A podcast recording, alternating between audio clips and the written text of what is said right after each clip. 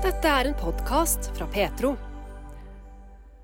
En sakkyndig nordisk komité har tilkjent Lars Dale professorkompetanse i systematisk teologi, med særlig vekt på apologetikk. Og Han er den første i Norge med professortittel på dette grunnlaget, som eh, heller ikke er særlig utbredt i Europa og Norden for øvrig, men som det finnes et par av i eh, statene. Og professor Lars Dale. Ei lita uke har eh, gått si utnevnelsen, men vi kan fortsatt ta med det som er sportsjournalistenes favorittspørsmål. Hva føler du nå?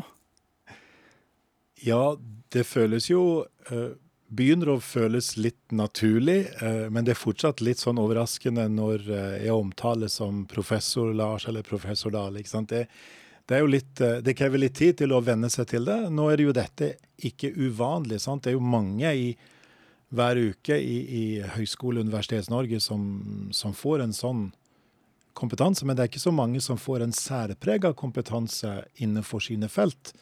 Eh, og det var det jeg fikk her, innenfor teologi da, og, og misjon, som er mine områder, og, og at da den sakkyndige komiteen ga denne retningen på, som egentlig var ikke, var ikke akkurat det jeg hadde søkt om, men de med godt faglig blikk så at det var det som var min særlige kompetanse.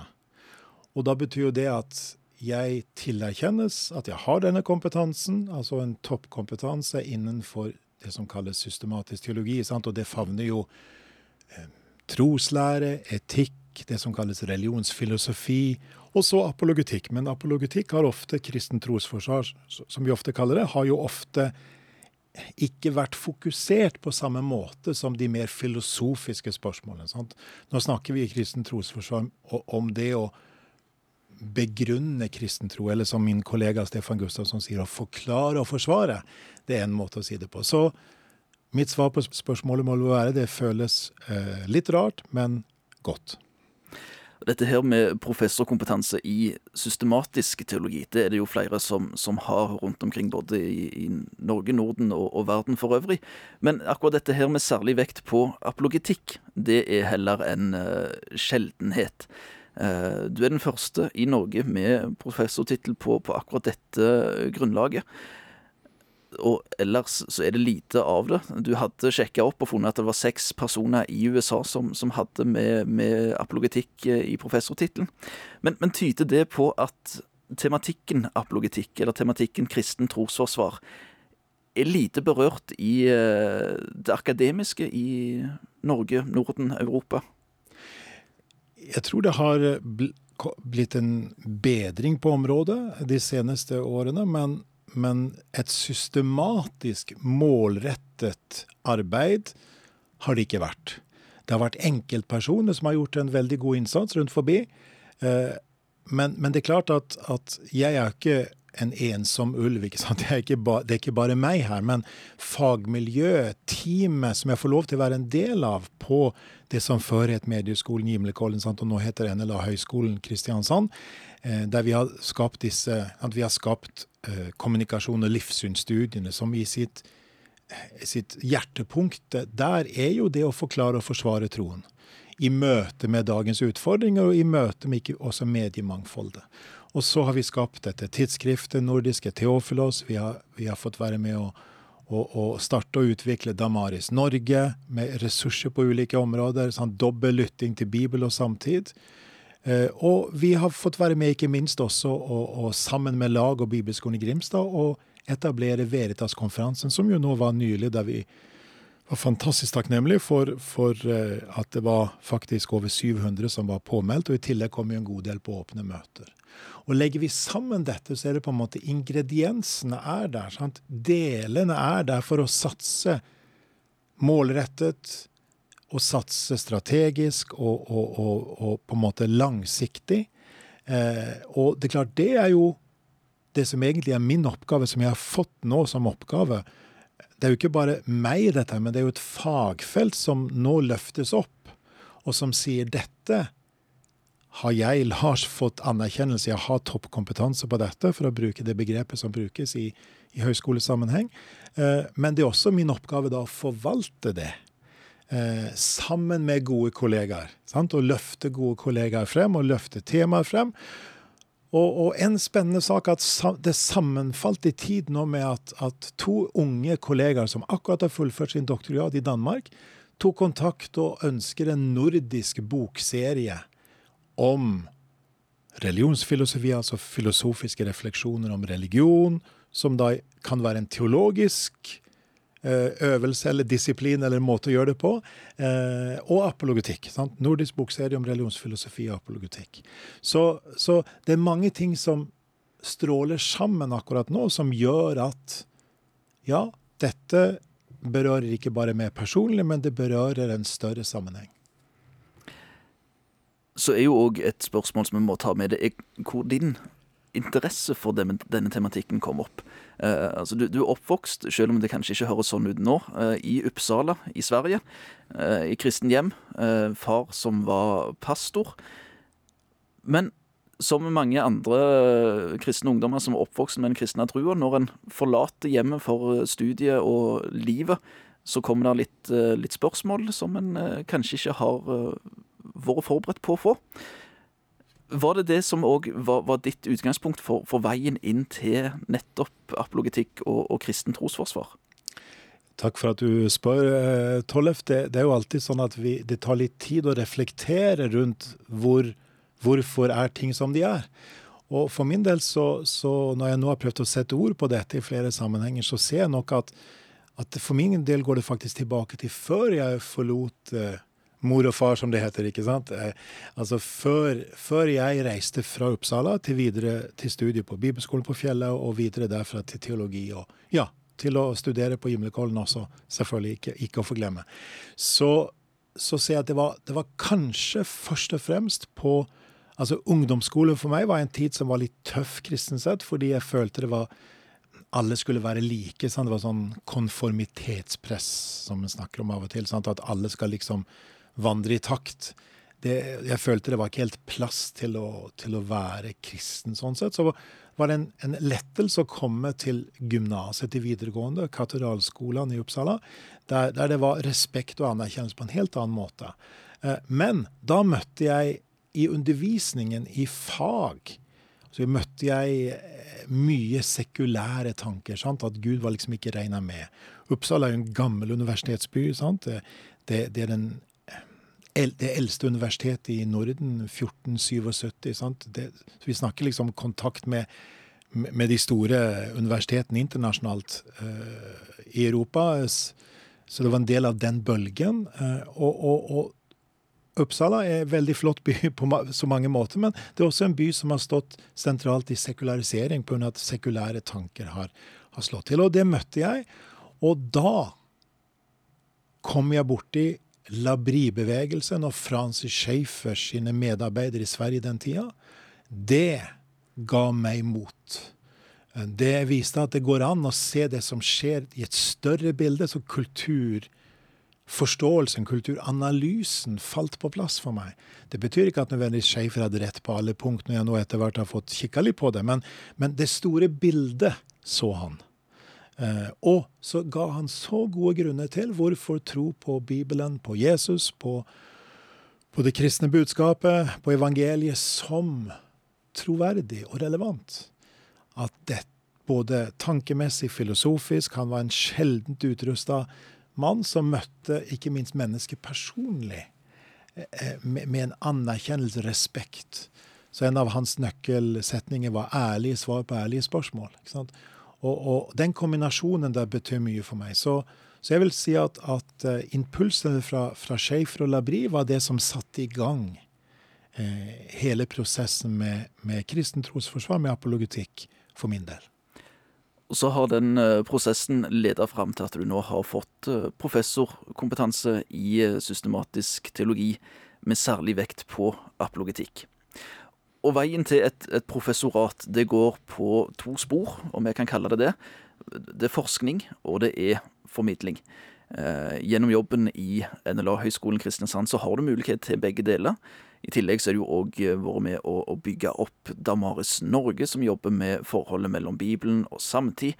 Du har hatt flere både nasjonale og internasjonale verv, bl.a. i misjonsbevegelsen Lausanne. Men hvorfor, noen av, eller hvorfor et av disse sporene, forskning eller formidling, er det som gir deg mest å, å holde på med? Det er et veldig godt spørsmål. Og, og det er klart, når en skal vurderes for en sånn sak som dette, så, så, må en legge frem omfattende dokumentasjon og en god del refleksjon. Og da er det to grunnsøyler, to, to pilarer. Det ene er det rent vitenskapelige, og der hadde jeg tydeligvis nok til å passere over, eh, over terskelen. Eh, det rent faglige arbeidet. Og så er det det pedagogiske, som da både går på, på studenter og studier og utvikling og, og relasjon og, og, og, formidling og sånn, men det går også på, som du pekte på, formidling utover. Og det er vel noe som har særprega meg, at jeg har på en særlig måte vært opptatt av formidlingen ut forbi høyskolen. Sånn sett tror jeg nok at, at det er nokså uvanlig for å ikke si veldig uvanlig, at eh, ansatte ved høyskolen og universiteter har så stor del og engasjement for, for, den delen. Og så heter det, det at det som særpreger en høyskole eller et, et, universitet, er at undervisningen og formidlingen skal være forskningsbasert. Dvs. Si at den skal ta utgangspunkt i det en jobber i faglig, Uh, og Det som da kan komme til uttrykk i, i, det som kalles vitenskapelige publikasjoner, altså der det har vært andre fagpersoner inne og vurdert det hele før det kommer på trykk. Uh, eller i mer populærvitenskapelige eh, ting. Og, og i Theofilos, tidsskriftet vårt, så har vi begge deler. Det du spurte om, var jo egentlig hva som motiverer meg mest. Og jeg vil si at det motiverer meg å jobbe med viktige forskningsspørsmål som jeg så kan ta ut i formidling. De Noen ganger er det nødvendig så å, å sitte i studerkammeret sitt sant? eller elfenbenstårnet, eller hva vi bruker for slags, slags bilde, og fordype seg med sikte på at noen må gjøre det. Eh, men, men, så ser jeg at det er nødvendig å bygge broer her. Og så kan det være det at det dukker opp ting i formidlingsoppgaven oppgavene som fører oss tilbake til studerkammeret. Og En av de tingene som, som, som, vi har begynt å jobbe med litt, er det faktum at de kristne grunnskolene, de kristne videregående skolene, eh, eh, er en viktig arena. Eh, gjennom Damaris server vi disse skolene med ressurser sammen med, NLA, høyskolens lærebokproduksjon. Uh, og så er det noe som har kommet i forbindelse med det som kalles fagfornyelsen, sånn som var den store reformen 2020. Uh, eh, og, og, der er det åpna for kritisk tenkning sentralt. Ja, det er jo kjempeviktig. Og da er jo spørsmål åpner vi opp for en kritisk tenkning som ikke bare stiller spørsmål til kristen tro, til det tradisjonelle, men også til alternative syn i dag. Der må vi hjelpe hverandre til å ha et ekte, åpent kritisk blikk.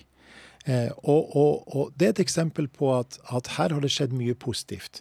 Fordi Utdanningsdirektoratet, UDIR, hadde noen krav til de kristne skolene. De måtte lage de måtte synliggjøre, lage synliggjøringstillegg, kalles det, som illustrerer hva, hvorfor er de har et livssynsmessig særpreg. Hvorfor er en, en er? Er de kristne skolene med en profil, en, et særpreg, en egenart? kan, kan, det bli synlig i matematikk, kan det bli synlig i norsk, kan det bli synlig i samfunnsfag, uten at den gjør vold på fagen, men tvert imot åpner opp for at alle har sine perspektiv. Ingen er nøytral. Hva betyr det å komme med troen på Gud som skaper, opprettholder, som har gitt oss i oppgave å forvalte denne verden og, og videreutvikle til beste for vår neste, og så i neste omgang misjonsoppdraget som også er der, spesifikt for, for, for, for oss kristne.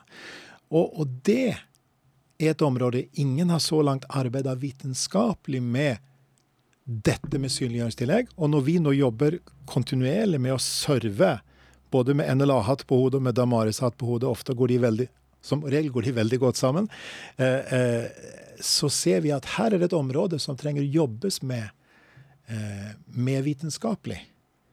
Så, så, så, så poenget mitt er at Noen ganger begynner det det faglige vitenskapelig, andre ganger begynner det det formidlingsmessig. Men for min del så er det viktig at disse to tingene henger sammen.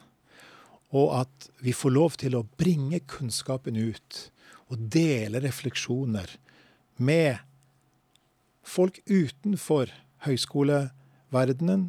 Eh, så ikke bare våre studenter, de er viktige, de, veldig viktige, men til folk flest. Og derfor så gleder vi oss sånn over Veritas-konferansen som samler så mange. Vi gleder oss over at alt det på Veritas-konferansen kommer på Snakk om tro-podden, som vi kaller det, Damaris-podden. Eh, det er en mulighet til å lytte seg inn og til å få mye kunnskap. For vi trenger hverandre. Vi trenger å utfylle hverandre. Jeg liker sånn bilde i Bibelen av, av Kristi legeme, der vi har viktige roller å spille alle sammen. Og så har jeg fått min rolle på min arena, som jeg er opptatt av skal bety noe både innover på den arenaen og utover til å, til å tjene Guds folk og til å tjene samfunnet. Det høres ut som du har mye som du holder på med allerede, som du tenker på, som du jobber med. Mye av dette her starta før du fikk denne professortittelen. Eh, med en, en, ny tittel så følger det av og til òg med, eller ofte med, nye oppgaver og, og engasjement.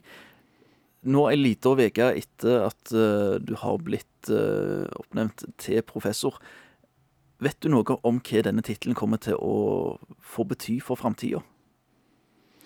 Jeg er vel fortsatt i refleksjonsfasen, tror jeg, og tenker over hva, hva innebærer det. Men, men uh, det går jo an å tenke litt høyt. Og, og, da vil jeg jo si at, at det både er Vi har et tredelt oppdrag, som jeg allerede har vært inne på. Så hva betyr dette for studiene våre? Utdanningen trenger vi å styrke det apologetiske. I eksisterende utdanninger ved NLA-høyskolen trenger vi å tenke nytt om det. Det er i hvert fall ett område vi trenger å tenke igjennom uten at vi skal Det er ikke snakk om å tenke noen palassrevolusjon, men vi tenker heller at, at uh, her har vi noe som vi nå har fått. Hvordan forvalter vi både min kompetanse og enda viktigere det fagfelt som, som, som jeg da er satt til å forvalte og videreutvikle. Og så har vi forskning jeg har vært inne på allerede. Eh, det er helt opplagt at det ligger viktige oppgaver.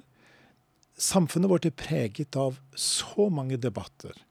Ofte er disse debattene Enten det gjelder synet på, på, på, Jesus, eller det er synet på Bibelen, eller syn i samliv og seksualitetsdiskusjonene, eller identitet og kjønn, ikke sant, som har nær, nær sammen med hverandre. Eller det gjelder eh, spørsmål om miljø. ikke sant, altså For å ta noen eksempler på aktuelle, så, så har vi behov for å gå under overflaten til å avdekke hva ligger bak. Hvilke premisser, hvilke tanker ligger bak og styrer ofte følgende. Og da har vi et veldig fint uttrykk, det livssynsåpne samfunn, sant, som skal være idealet vårt, der vi egentlig står sammen med alle gode krefter i samfunnet til å, til å, å, å være transparente, åpne. Hvem er vi, og hva står vi for, og hvordan argumenterer vi? Så, så innenfor det forskningsfeltet og faglige feltet så tror jeg det ligger mange ting ferdig for oss til å gå inn og jobbe med dette både generelt i en kulturanalyseforståelse, hvorfor er vi der vi er, men også i hvordan skal vi tenke om kristen tro oppi dette. Og jeg liker det bildet som en kristen forfatter som, som vi har hatt i Norge, også Oss Guinness, eh, snakker om. Han snakker om at kristen trosforsvar, eller apologetikk, har hatt to symboler. Det ene symbolet er, er den, den, knyttede neven, ikke som slår ned noe, men som slår i hånden. Sant? Høyre hånd slår i venstre hånd og sier jeg er overbevist om dette fordi sant? Det er et bestemt argument, om du vil. Og vi trenger kristne som er frimodige. Ikke, ikke ja, Dette må gå sammen med respekt og anerkjennelse av andre mennesker og evne til å lytte, men samtidig evne til å si både hva en tror på, og hvorfor en tror på. Men så sier Oss Guinness at det andre bildet av apologetikk eh, gjennom kirkens historie er den åpne hånden, som inviterer inn til utforsking. Og nå hadde vi jo Veritas-konferansen, og C.S. Lewis ikke sant? det er kanskje den som kan være særlig forbilde for oss gjennom Narnia-bøkene. Gjennom sin måte å bruke illustrasjoner på, bilder, fortellinger. Sant? Vi trekkes inn i historien. Sånn trenger vi å formidle kristen tro. Da trenger vi å, å løfte det frem. Både den, den, den, den altså bestemte argumentet, knyttneven i hånden, og det åpne, inviterende hånden. Så, så det ser jeg at her er det innenfor forskningsfeltet viktige ting. Eh, ok, Utdanning, forskning. Og så har jeg allerede berørt formidling. Hvor viktig det er at eh, vi kommer ut med kunnskap om kristen tro. At vi kommer ut med kunnskap om hvorfor det går an å tenke at kristen tro både er troverdig og relevant. Og ikke bare gå an å tenke, men du kan gi gode grunner for det. Og hvis det er sånn, så betyr jo det at både troen, kristne troen har, har jo noe å si for faget vårt, eller for yrket vårt, eller for de ting vi er interessert i. Ikke for å tvinge ting inn i en A4-mal, så å si, men for å åpne opp, for å utforske. Ja, hvis kristen tro er sann, så er den sann for hele livet. Og da er det sant også slik at det går an å samtale om det. Og vi trenger de åpne og gode samtalene på, på menighetsarenaen, i familiearenaen, i ungdomsarbeidet, sant? I, i venner imellom, i bibelgrupper tenker kristen sammenheng. Vi trenger de gode, åpne samtalene. Så trenger vi ofte ressurser. Kanskje en liten podkast eller en liten video eller et eller annet som åpner opp og gir noen innspill til gode refleksjoner sammen. Og så trenger vi hverandres innsikt til å forstå hvordan dette kan anvendes, kristen tro kan leves ut i hverdagen. Så det jeg brenner for, at kristen trosforsvar skal realiseres både gjennom studier, gjennom forskning og gjennom formidling. I respekt for den faglige egenarten i arbeidet, og i respekt for kristne troens egenart uh, og, og, profil. Ja, dette blir et langt svar, Tollef, men, men, du vet det en brenner for, det sier en gjerne mye om. Mange takk skal du ha, Lars Dale, professor i systematisk teologi med særlig vekt på apologetikk. Gratulerer med utnevnelsen, og lykke til videre med arbeidet. Tusen takk. Du har lyttet til en podkast fra Petro.